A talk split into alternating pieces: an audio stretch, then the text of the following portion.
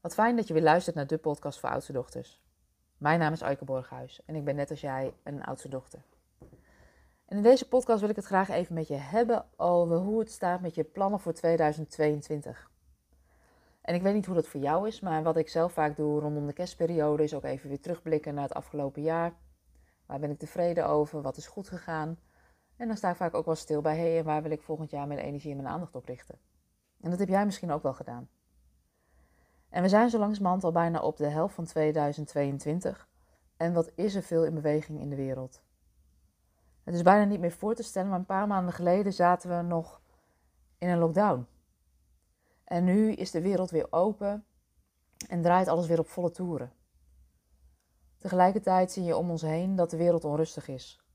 De oorlog in Oekraïne, de oorlog in andere gebieden van de wereld, de rechten rondom abortus voor vrouwen in Amerika die onder druk staan.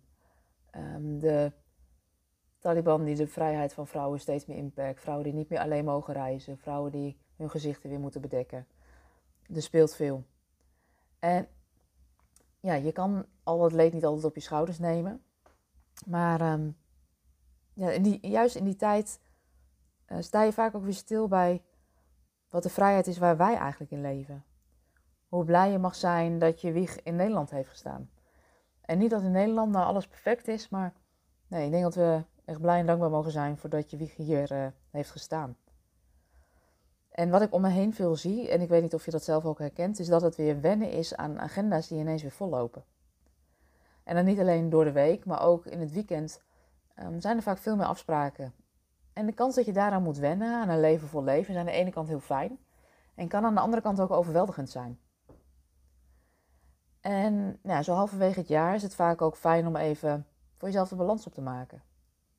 Wat waren jouw plannen voor 2022? Wat zijn de dingen waar jij je tijd en je aandacht aan wilde besteden? Dan ben je nog op de goede weg.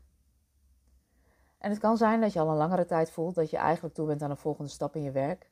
En dat je jezelf hebt voorgenomen die stappen echt te gaan zetten. Om nu te ontdekken dat dat nog niet is gelukt. En als dit speelt bij jou, weet dat dit vaker voorkomt. Je bent echt niet de enige. Want wat ik veel zie gebeuren bij oudste dochters om me heen, is dat we ons vaak laten leiden door het verantwoordelijkheidsgevoel voor anderen.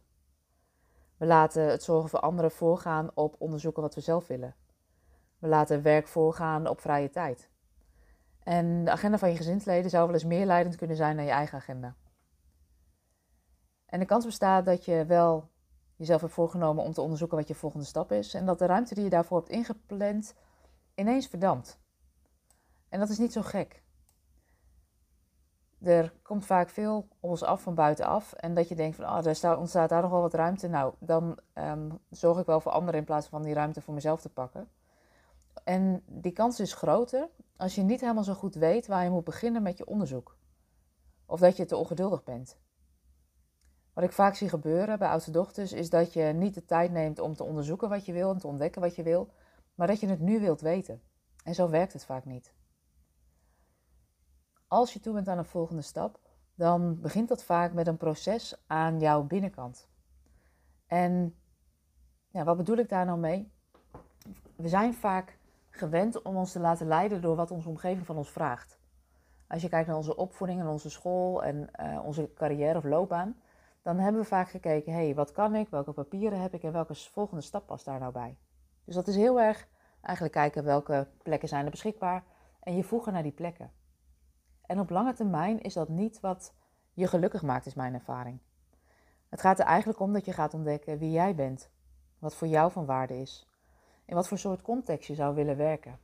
Want daar had ik laatst ook nog weer een voorbeeld van met een van de vrouwen in de jaargroep die zegt, ja, op papier was dit echt de ideale baan. Maar nu ik eenmaal in de baan zit, merk ik dat ik leegloop. En we zijn het aan het afpellen gegaan. En daarin ontdekte ze dat eigenlijk de inhoud van het werk ideaal was. Haar functie was ideaal. Maar de context waarin zij haar werk moest doen en de waarden die daarin speelden, sloten niet aan bij wat zij belangrijk vond. En daar liep ze ook leeg. Dus het vraagt eigenlijk veel meer onderzoek. Wie ben ik? Wat wil ik? En wat voor context wil ik mijn waarde ook toevoegen? Wat oudste dochters vaak lastig vinden, is dat een groot deel van het onderzoek eerst in jou plaatsvindt. En je kunt dat bijna vergelijken met een stuk zwangerschap of een soort zwangerschap, waarbij er in jou van alles groeit, borrelt, bloeit, maar wat nog niet zichtbaar is in de buitenwereld. En oudste dochters zijn resultaatgericht, dus um, ons ongeduld kan ons daarbij soms in de weg zitten. Ontdekken wat je wil, wat je volgende stap is, is dus een innerlijke ontdekkingsreis. En ja, mijn ervaring is dat dat vaak niet alleen lukt. En dat is niet omdat je dat niet zou kunnen, maar dat heeft ermee te maken dat je soms net even iemand anders nodig hebt die even een ander perspectief geeft op de vraag. Die je net even door kan vragen van wat je nu zegt, klopt dat wel? Die je net even je beperkende overtuigingen ziet en daar op kan doorvragen. Het vraagt dus een proces van binnenuit en een spiegel van buitenaf.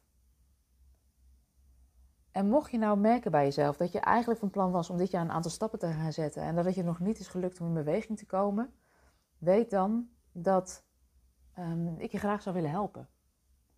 Want hoe zou het voor je zijn om in juni een besluit te nemen om hier na de zomervakantie mee aan de slag te gaan? Dat je nu ja zegt tegen jezelf om vanaf begin oktober een jaar lang op ontdekkingsreis te gaan om te ontdekken wat je nu echt wil en daar ook stappen in te gaan zetten. Door jezelf dat toe te staan of jezelf die toestemming te geven, geeft ook ruimte voor deze komende zomerperiode waarin je kan uitrusten. Waarin je kan mijmeren, waarin je kan opladen en een beetje kan dromen over wat je zou willen.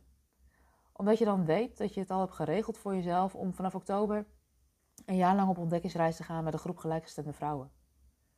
En wat doe je nou in zo'n jaargroep? In zo'n jaargroep zoom je één dag in de maand uit op een fijne plek waarin, je, ja, waarin het mag gaan om jou. Je organiseert dus nu eigenlijk al voor jezelf dat je één dag in de maand tijd en ruimte hebt voor jou. En tijdens die dagen gaan we opladen, ontdekken. Je gaat nieuwe kanten van jezelf ontdekken. Je gaat systemisch leren kijken. En we werken met een fijne groep vrouwen, zodat je je ook minder alleen voelt.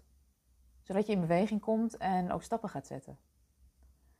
En als je dit wat lijkt, dan zouden we een afspraak kunnen maken voor een persoonlijk gesprek. Dan kijk ik met je mee waar je nu staat en wat je volgende stappen zijn. En misschien krijg je dan wel helderheid over wat je zou kunnen doen. Ik zou het heel leuk vinden om je te ontmoeten, dus voel je vrij om een afspraak met me te maken. Dan kijk ik met je mee. En dat gesprek levert je in ieder geval helderheid op. Dus mocht je nu voelen dat je toe bent aan nieuwe stappen zetten en het is je nog niet gelukt of je zou wel ja, wat extra steun kunnen gebruiken, iemand die naast je meeloopt, weet dat je heel welkom bent. Ik ontmoet je heel graag. Je kunt zo'n gesprek aanvragen door te mailen naar info.oudstedochter.com en uh, dan maken we een afspraak. En verder wens ik je dan voor nu een hele fijne dag.